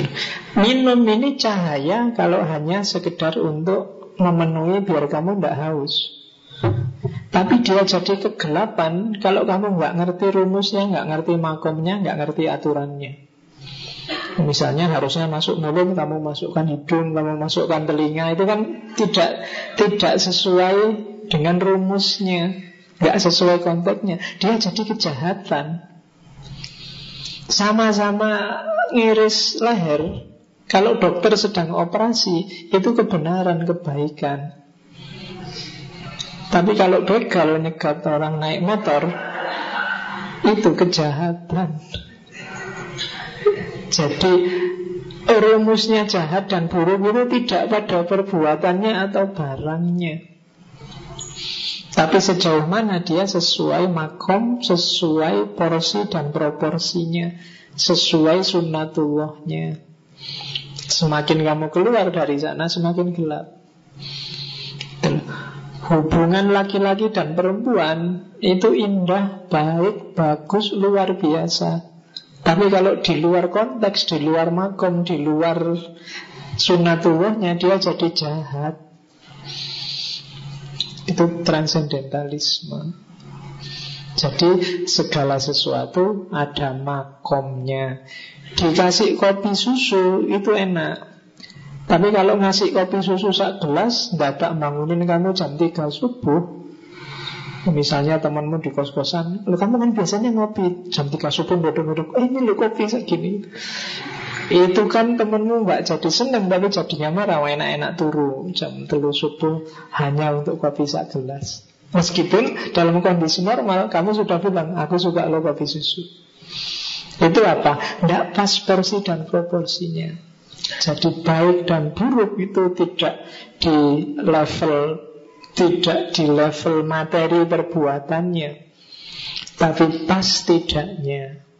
Jadi transcendentalisme itu bilang bahwa all is good, evil is illusion, ketertipuan. Ngaji kayak gini bagus, tapi kadang-kadang bisa jadi jelek kalau kamu porsinya salah. Cara menempatannya juga salah. Misalnya saya ngajar di sini terus jadi sombong. Oh, kalau nggak ada aku, saya apa yang ngaji kayak gini? Oh, sudah porsinya sudah melenceng. Maka ngajinya sebenarnya terang, tapi karena kamu posisikan jauh dari cahaya, dia jadi kegelapan. Itu yang kalau orang dulu menyebutnya nggak barokah, jauh dari cahaya punya uang sedikit tapi senengnya luar biasa, ada yang dapat uang banyak, tapi nggak senang-senang amat bahkan sumpet. Itu urusannya di sini. Makomnya keliru, sunatullahnya tidak jalan. Jadi barokahnya hilang. Nah itu transcendentalisme khas neoplatonisme. Terus Wah ini juga kepotong-potong Neoplatonisme ini sebenarnya sama jadi manusia, saya langsung ya. Nah, hidup ini diatur oleh, dikuasai oleh tiga bagian dari diri kita. Hati-hati untuk menguasai hidupmu, mengenali dirimu, kenali tiga bagian. Yang pertama head, yang kedua heart, dan yang ketiga belly. Simbolnya kepala, hati, dan perut, pinggang. Rumusnya itu Kepala simbol dari mind Akal Heart itu simbol dari keinginan, rasa, dorongan. Belly itu simbol dari appetite Hasrat-hasrat Desire. Jadi Urusannya perut Urusannya hati Apa urusannya kepala? Kalau head yang bagus itu stillness. Puncaknya urusan kepala itu stillness. Stillness itu tenang. Mantap. Nggak ragu-ragu. Yakin. Yang bikin kamu galau itu kan pikiran, akal, main. Nah, semakin kamu tenang, Nanti kamu akan terbawa pada puncaknya ketenangan namanya spiritual enlightenment, pencerahan. Makanya banyak agama nyuruh meditasi, Islam nyuruh muhasabah tafakur. Itu mainnya head, kepala, akal. Jadi openilah mainmu Tenangkan dia, yakinkan dia dengan kebenaran-kebenaran sampai kamu tercerahkan. Nah, yang kedua hati. Kalau hati itu kondisi mental terbaiknya adalah freedom from suffering. Bebas dari penderitaan. Kalau mau deritamu itu kan di sini. Makanya kan katanya cita-cita tas sakitnya kan di sini. Bukan di sini, apalagi di sini enggak. Tapi di sini. Apa sih yang bikin suffering itu? Ya keterikatan sama materi. Semakin kamu terikat sama materi, biasanya semakin kamu suffer. Terikat oleh uang, terikat oleh kuliah, terikat oleh IP, terikat oleh pacar, terikat oleh lawan jenis, terikat. Semakin kamu terikat, kamu akan ketemu suffering. Banyak orang bilang cinta itu selalu menyedihkan. Ya kan? Begitulah cinta, deritanya tiada akhir. Ya, itulah teori Nepatkai itu. Jadi kenapa suffer? Karena kamu terikat. Cinta yang tanpa syarat Tidak akan ada suffer di situ. Tidak akan ada penderitaan di situ. Kenapa kamu sakit? Karena syaratmu dalam mencintai banyak. Aku cinta padamu Kamu harus cinta padaku juga loh ya. Aku setia, kamu juga harus setia loh ya Aku mbak nyeleweng, tapi kamu juga jangan nyeleweng. Syaratnya oke. Okay. Ketika syaratnya banyak, biasanya ya kamu mudah jatuh pada suffer. Akan ketemu banyak sakit. Nah, jadi ya kamu yang ngatur sendiri lah gimana caranya kamu ndak yo suka iya, cinta iya, tapi yang tulus biar nggak suffer. Orang tulus itu nggak bisa kalah. Tidak bisa sedih Tidak akan kehilangan apa-apa Cuma latihannya abot Ya dari situ kamu akan ketemu kayak setelah tadi freedom, kebebasan sejati. Kebebasan sejati itu kayak Ibnu Arabi yang sering saya ceritakan kayak Al-Halat, kayak sesi Jenar. Gak ada yang bikin dia galau. Khususnya ketika dia merasa sudah dekat sama Tuhan Apalagi bersatu sama Tuhan. Dunia sudah nggak bikin dia jatuh cinta lagi. Orang rebutan dunia silahkan direbut. Tujuanku hanya satu Kalau di syair kan ada asal Allah hendak marah padaku Sudah cukup Asal Allah ridho padaku cukup. Yang lain tidak penting. Itu berarti apa? Freedom yang sejati. Nggak ada yang bisa mengikatmu selain Allah. Dan yang paling rendah adalah urusan perut. Mental paling bawahnya Mentalnya perut itu adalah lack of disturbance. Jadi Tidak merasa nggak enak. Nyaman Nyaman itu kan ya. Tidak kekenyangan juga tidak kelaparan Itu nyaman.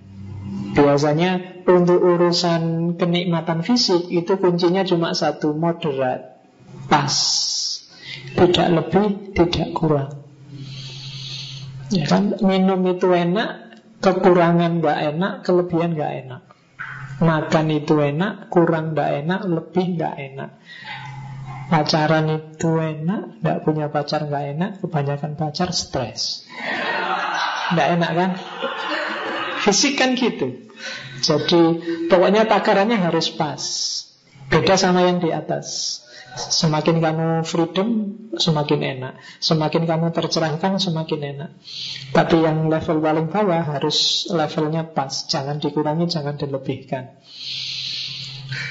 Hasilnya bahagia. Orang yang pas itu bahagia biasanya. Pas pengen punya mobil, punya. Pas pengen punya rumah, punya. Nah ya kan pas. Ya kan? Jadi tidak kurang, tidak lebih. Pengen punya mobil, punyanya butuhnya cuma satu, kok dapatnya sepuluh, nggak enak. Nah, butuh cuma satu, buat apa yang sembilan? Pengen punya pacar, pengennya satu, lo kok dapat dua belas?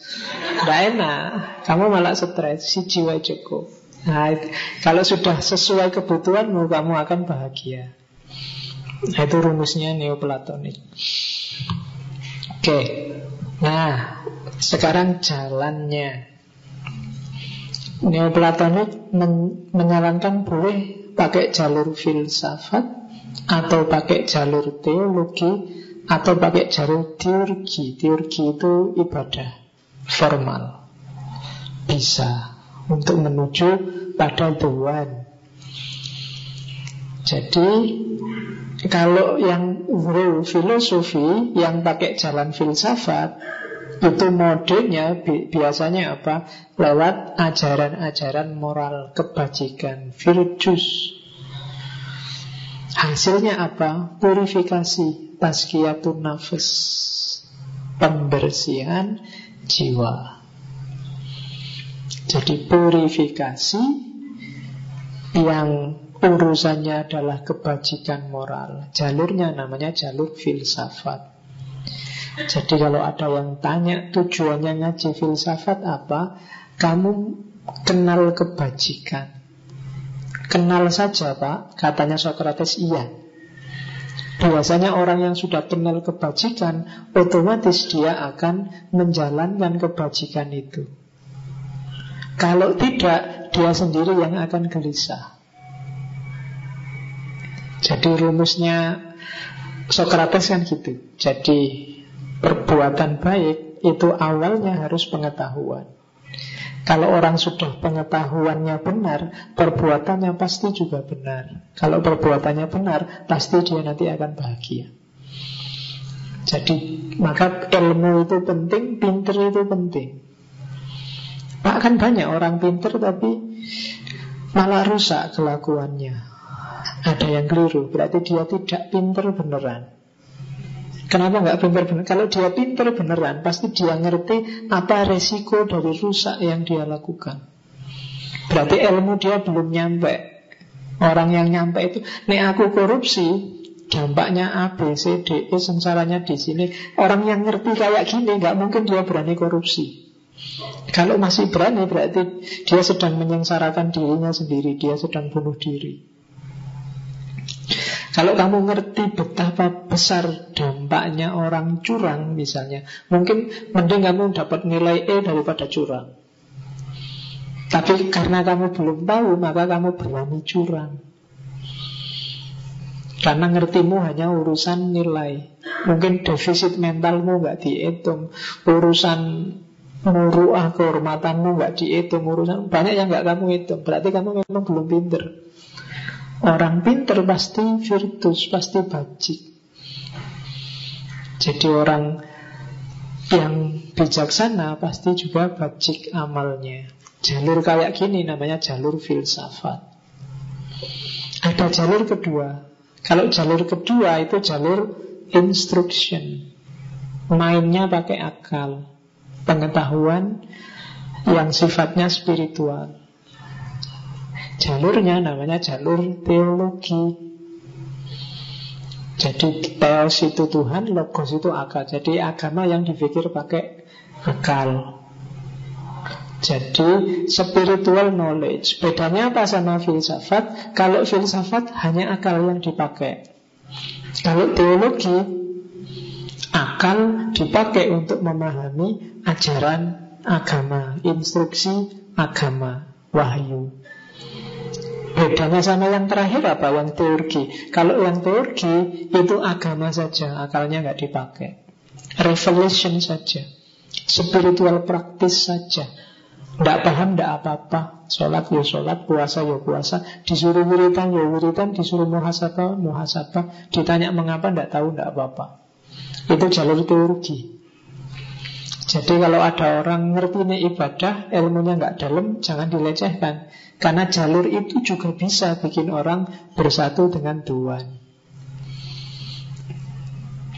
Jadi ada yang pakai akal saja, ada yang mix antara akal dan agama, ada yang agama saja. Tiga-tiganya mungkin membawa orang pada Tuhan.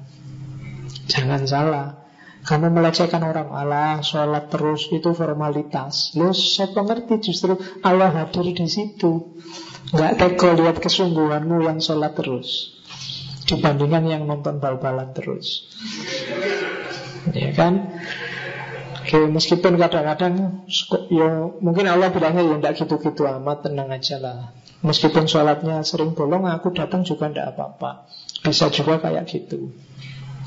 Tapi kan ini jalur-jalur yang bisa ditempuh. Lewat akal kamu bisa ketemu Tuhan Lewat teologi kamu bisa ketemu Tuhan Lewat teologi juga kamu bisa ketemu Tuhan. Kalau digambar Modelnya jalan menuju Tuhan itu secara umum itu. Di Neoplatonisme ada jalan cinta, ada jalan kebenaran, ada jalan trust, keimanan. Jalan cinta itu andalanya beauty. Biasanya yang menempuh para sufi. Truth itu andalannya kebenaran akal yang menempuh para filosof. Jalurnya namanya wisdom, kebijaksanaan.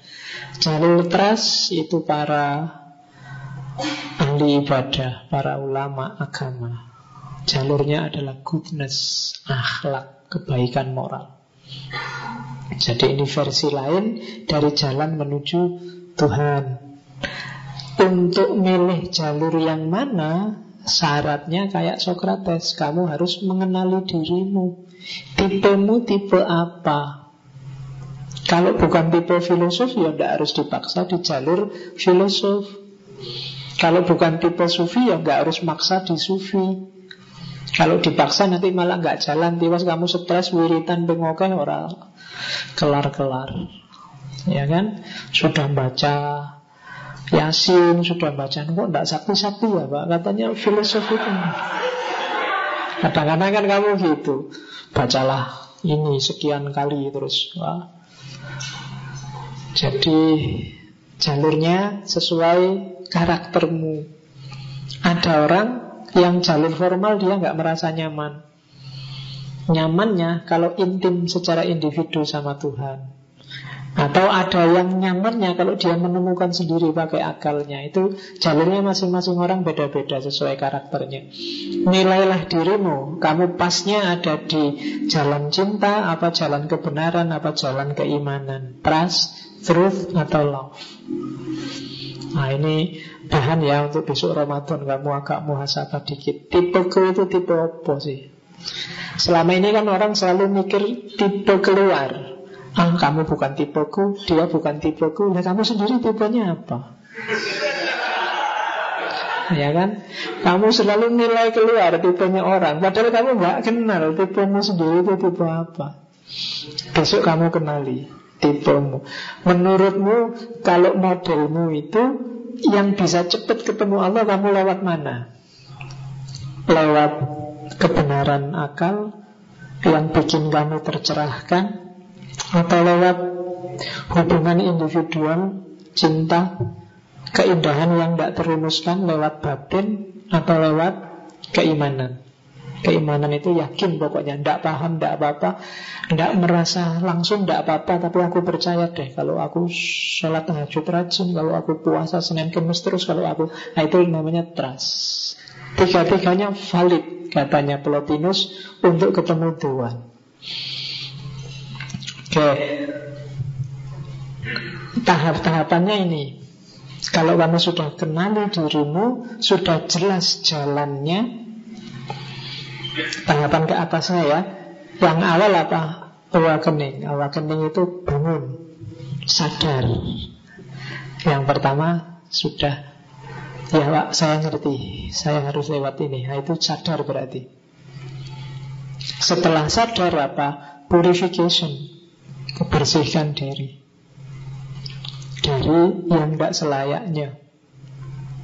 Jadi kalau kamu mau menuju Tuhan Inventarislah perilakumu tabiatmu, kebiasaanmu yang menurut kamu malah kontraproduktif dengan usahamu untuk naik ke atas. Apakah itu TV, apakah HP, apakah internet, apakah kuliah, apakah pacar? Purifikasi Bersihkan jalanmu, bersih jalanmu kan batinmu itu. Jadi bangun, bersihkan Bangun, bangun tidur, terus mandi, jangan lupa menggosok gigi itu kan membersihkan Itu lagu sufistik berarti Ya kan? Kan setelah itu berangkat sekolah Itu kan berarti memang anu itu lagu sufi untuk menempuh perjalanan menuju dari tidak tahu menjadi tahu. Lagunya, jinglenya bangun tidur terus mandi. Jadi setelah awakening terus purifikasi.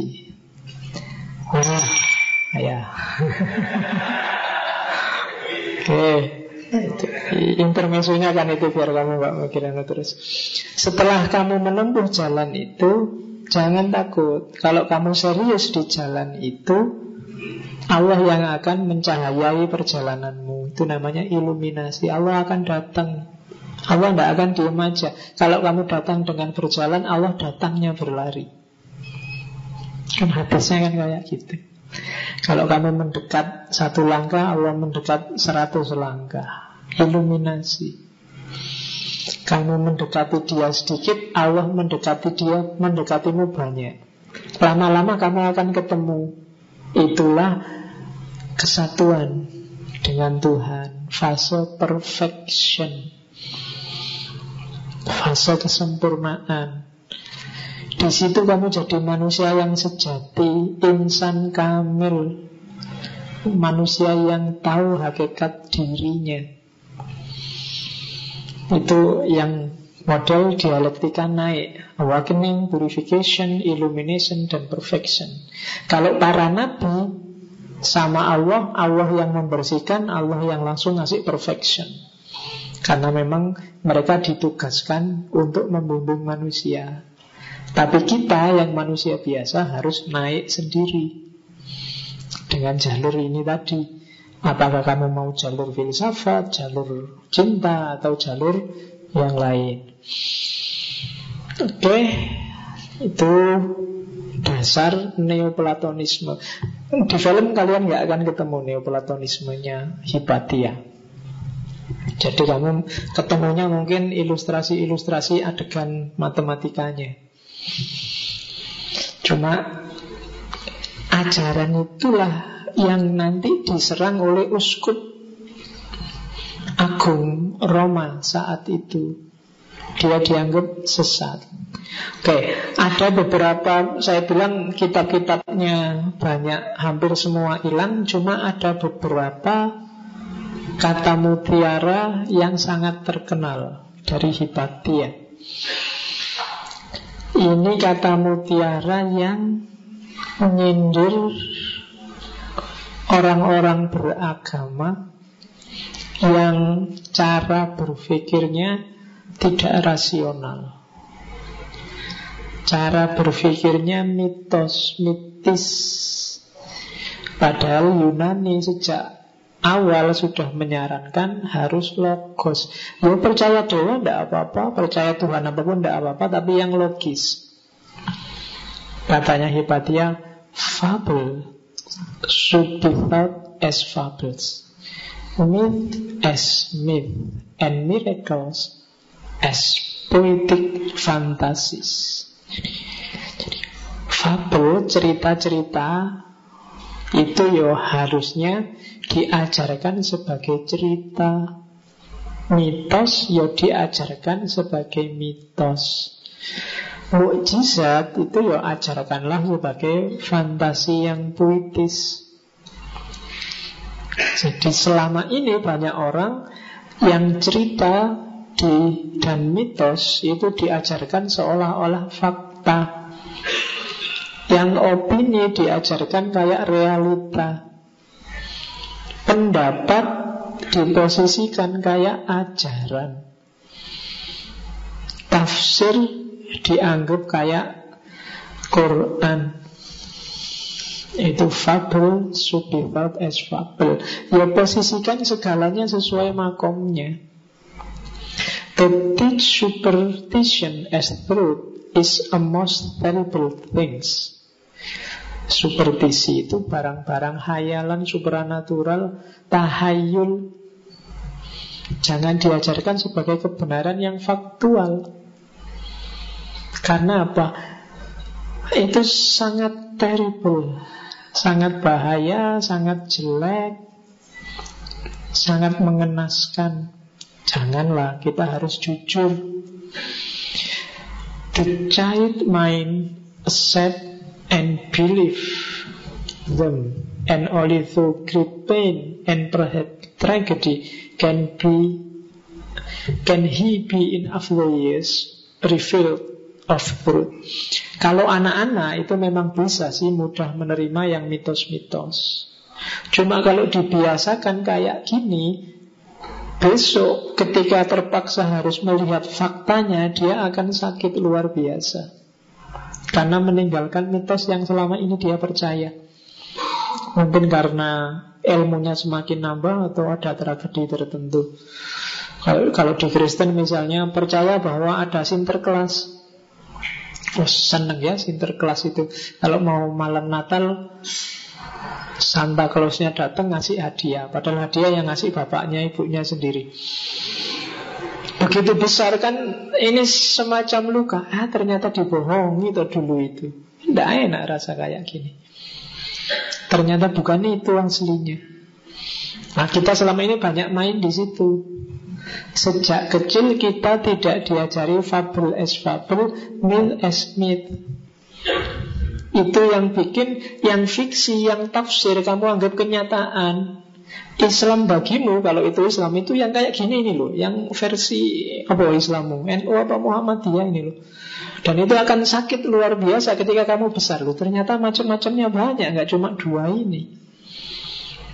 Ketika kamu nggak siap, terus kamu bilang ah yang lain sesat berarti. Yang benar pokoknya kayak gini kok sejak kecil aku belajarnya gini kok. Itu yang terjadi. Kenapa? Karena dulu kamu nggak diajari fabel as fabel, myth as myth. Dulu mungkin ustadz-ustadzmu nggak bilang, nak ini salah satu versi yang kita anggap paling baik tentang Islam. Kan nggak gitu ngajarinya. Islam itu gini loh. Dan itu langsung sesuai versinya dia. Betul. Nggak ada yang bilang bahwa selain tafsir kayak gini banyak yang lain. Kamu boleh ngerti, boleh enggak, tapi yang jelas ini enggak satu-satunya. Saya nggak yakin ada kayak gitu waktu kecil. Kamu dulu belajar Islam. Itu yang bikin cara kita mikir sekarang agak keras. Loh, kamu selalu nganggap orang lain lebih keras darimu dan kamu toleran. Tapi sebenarnya apa doa Kamu juga keras di pikiranmu sendiri, di ideologimu sendiri. Ideologi saya itu toleran kok Pak. Iya kamu ideologimu isinya toleran Dan kamu keras mempertahankan ideologimu yang toleran itu. Podoa ya hiri Ya kan Mereka nuduh kamu sesat kafir Kamu juga nuduh mereka sesat dan kafir. Lalu mereka nuduh duluan Mbak Iya ya Akhirnya juga sama. Kamu juga ke situ akhirnya. Itu karena sejak kecil kamu nggak dibiasakan fabel as fabel dan myth as myth. Dulu Ustadzmu nggak bilang ini tafsirku dan guru-guruku ya. Kan nggak gitu mesti kan. Pokoknya yang benar itu.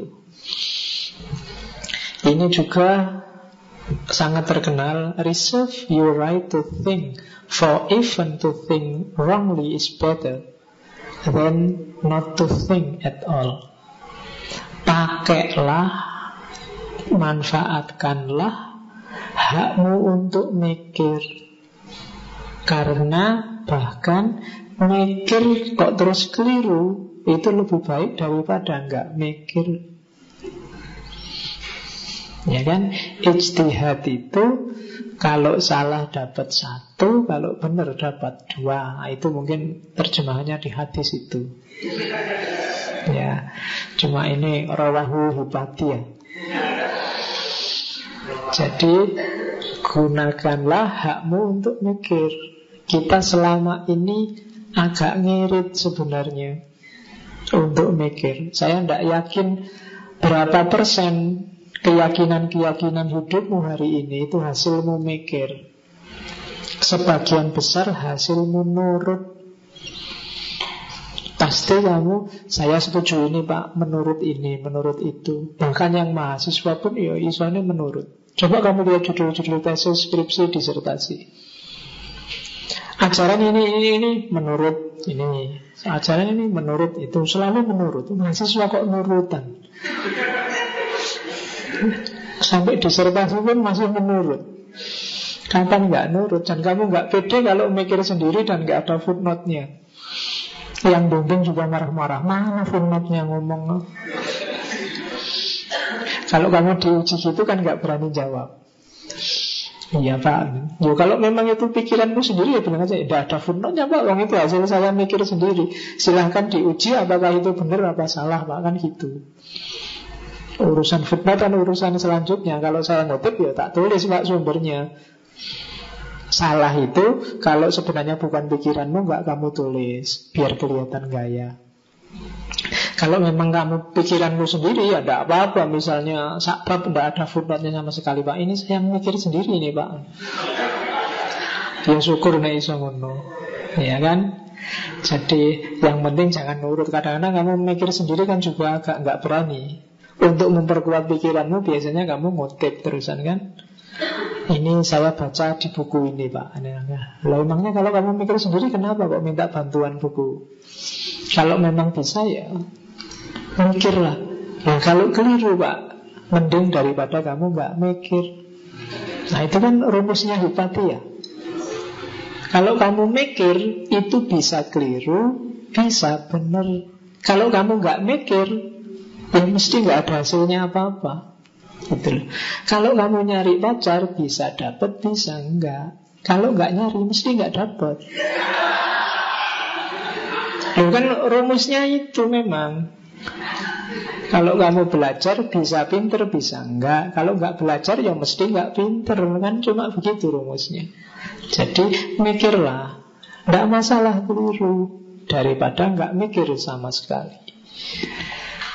Oke, ini kritik juga pada agama formal. All formal dogmatic religions are fallacious and must never be accepted by self-respecting person as final. Semua agama-agama formal dan dogmatik itu falasi. Itu pasti ada kesalahan.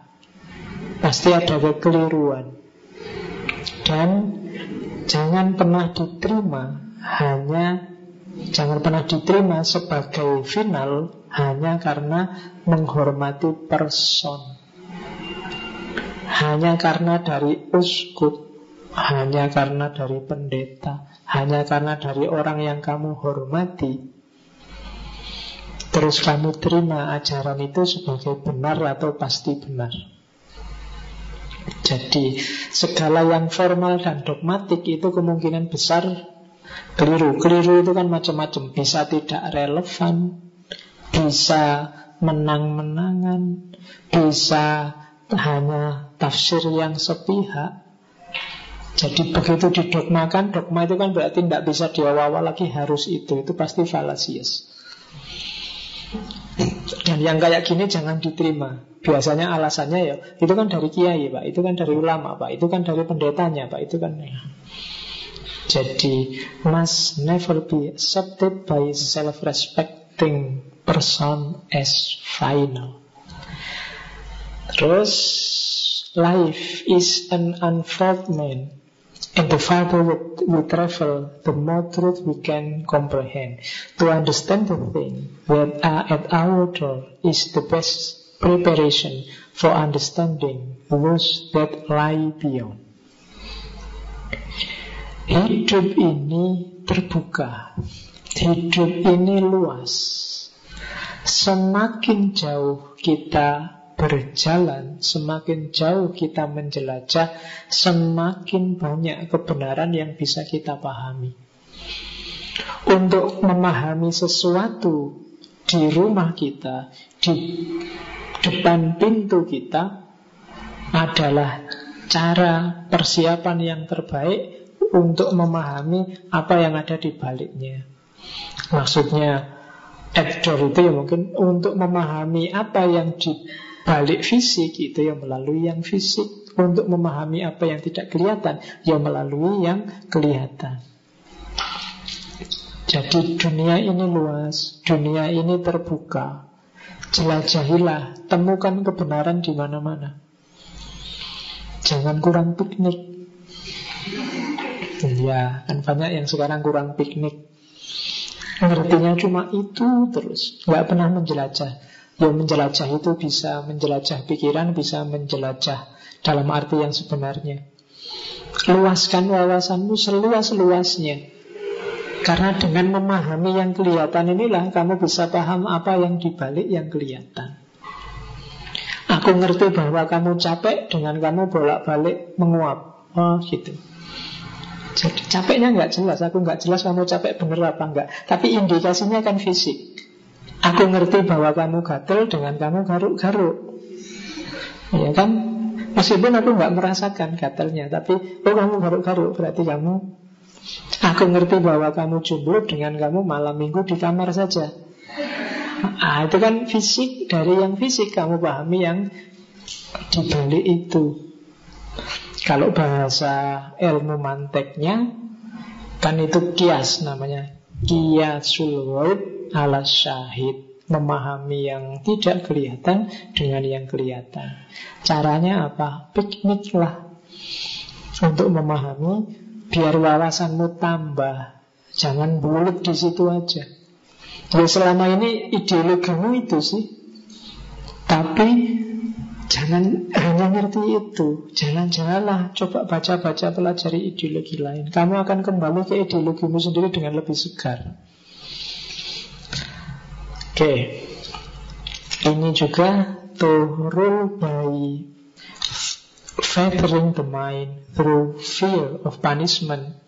In another word, is just as base as to use force. To ngatur orang lain, termasuk juga maksa orang lain by feathering the mind. Dengan apa feather itu maksa, meng, melakukan kekerasan terhadap pikiran through fear of punishment melalui ketakutan akan hukuman. In another world di dunia lain di surga di neraka. Is just as base as to use force. Itu sama hinanya dengan memaksa secara fisik. Jadi menyuruh orang untuk patuh dengan cara menakut-nakuti itu bagi Hipatia sama sekali tidak bermartabat kamu harus patuh padaku. Kalau enggak Besok tak suruh. Nah itu kan ancaman namanya. Jadi sifatnya sebenarnya pikiran Enggak fisik Tapi sama hinanya katanya Hipatia Kayak ancaman fisik. Kalau kamu juga melakukan sesuatu Gara-gara takut ancaman Ya berarti levelmu juga sama rendahnya. Kenapa kamu kok enggak maling? Besok takut ya pak masuk neraka. Itu kan maunya itu kan maunya Hipatia kalau kamu tidak malingnya karena itu itu ya sebenarnya masih rendah levelmu. Hanya karena takut itu. Berarti kalau nanti ada teori baru, ilmu baru Kayak sesi Jenar kemarin Neraka itu tidak ada. Neraka itu di dunia Berarti kamu, oh kalau gitu maling tidak apa-apa. Jadi tidak malingmu bukan karena kesadaranmu sendiri bahwa maling itu merugikan, maling itu jelek. Tapi karena ancaman. Ya kalau levelmu mahasiswa mungkin harusnya sudah nggak level lagi. Itu anak kecil. Awas Kalau nanti nggak sholat Besok uang jajannya tak potong. Kan kayak gitu anak kecil. Kalau nggak mau sholat nggak jadi jalan-jalan ke pantai besok. Nah, Itu kan anak kecil. Jalan karena ancaman. Kalau kamu masih kayak gini, ya kamu keberagamaanmu masih keberagamaan. Balita. Melakukan sesuatu atau tidak karena hadiahnya apa atau ancamannya apa. Bahasanya Hipatia, es bis es to use force. Kayak orang maksa dengan kekerasan fisik sama hinanya. Sama rendahnya. Oke, Alhamdulillah kita sudah ketemu Hipatia radhiyallahu anha. ya. Jadi martir yang gara-gara ajarannya ini nanti dia dieksekusi oleh orang satu kota dan terakhir dengan dibakar. Oke, ya nanti silahkan diulang lagi yang tentang para martir ini. Teman-teman akan mendapatkan pattern yang sama Pola yang sama. Kenapa orang-orang besar, orang-orang agung Yang sumbangannya luar biasa pada peradaban manusia Justru harus mengakhiri hidupnya secara tragis Diakhiri hidupnya secara tragis. Biasanya oleh penguasa saat itu Oke, Alhamdulillah ngaji kita untuk sesi para martir selesai. Besok setelah Idul Fitri saya belum merencanakan sesi apa. Entahlah, besok kita bahas besok lagi. Nunggu pengumumannya takmir. Ya, insya Allah kita ketemu lagi Ya mungkin tadi katanya takmir nanti mungkin ada bedah buku saya tidak tahu kapan. Kalau ada ya monggo datang. Kalau nggak ada ya jangan datang mau ngapain mau nggak ada. ya. Atau kalau maghrib silahkan ke sini paling ada takjilannya. Oke, saya kira itu ketemu lagi insya Allah setelah Idul Fitri. Yang mau ada pertanyaan selama ini belum terjawab atau yang mau tanya buku-buku atau mau tanya referensi silahkan datang ketemu saya. Atau pakai Facebook lebih fleksibel. Kalau WA kan karakternya terbatas. WA juga tidak apa-apa. Cuma ya jangan Pak saya minta referensinya untuk sesi apa? Semuanya Pak. Wah itu susah jawabnya aku. Ya Ya, siji-siji nanti Ya semuanya boleh nih ya aku jawabnya siji-siji. Semoga bisa lengkap. Oke, saya kira itu kurang lebihnya mohon maaf. Wallahu muwafiq. Wallahu a'lam bisawab. Wassalamualaikum warahmatullahi wabarakatuh.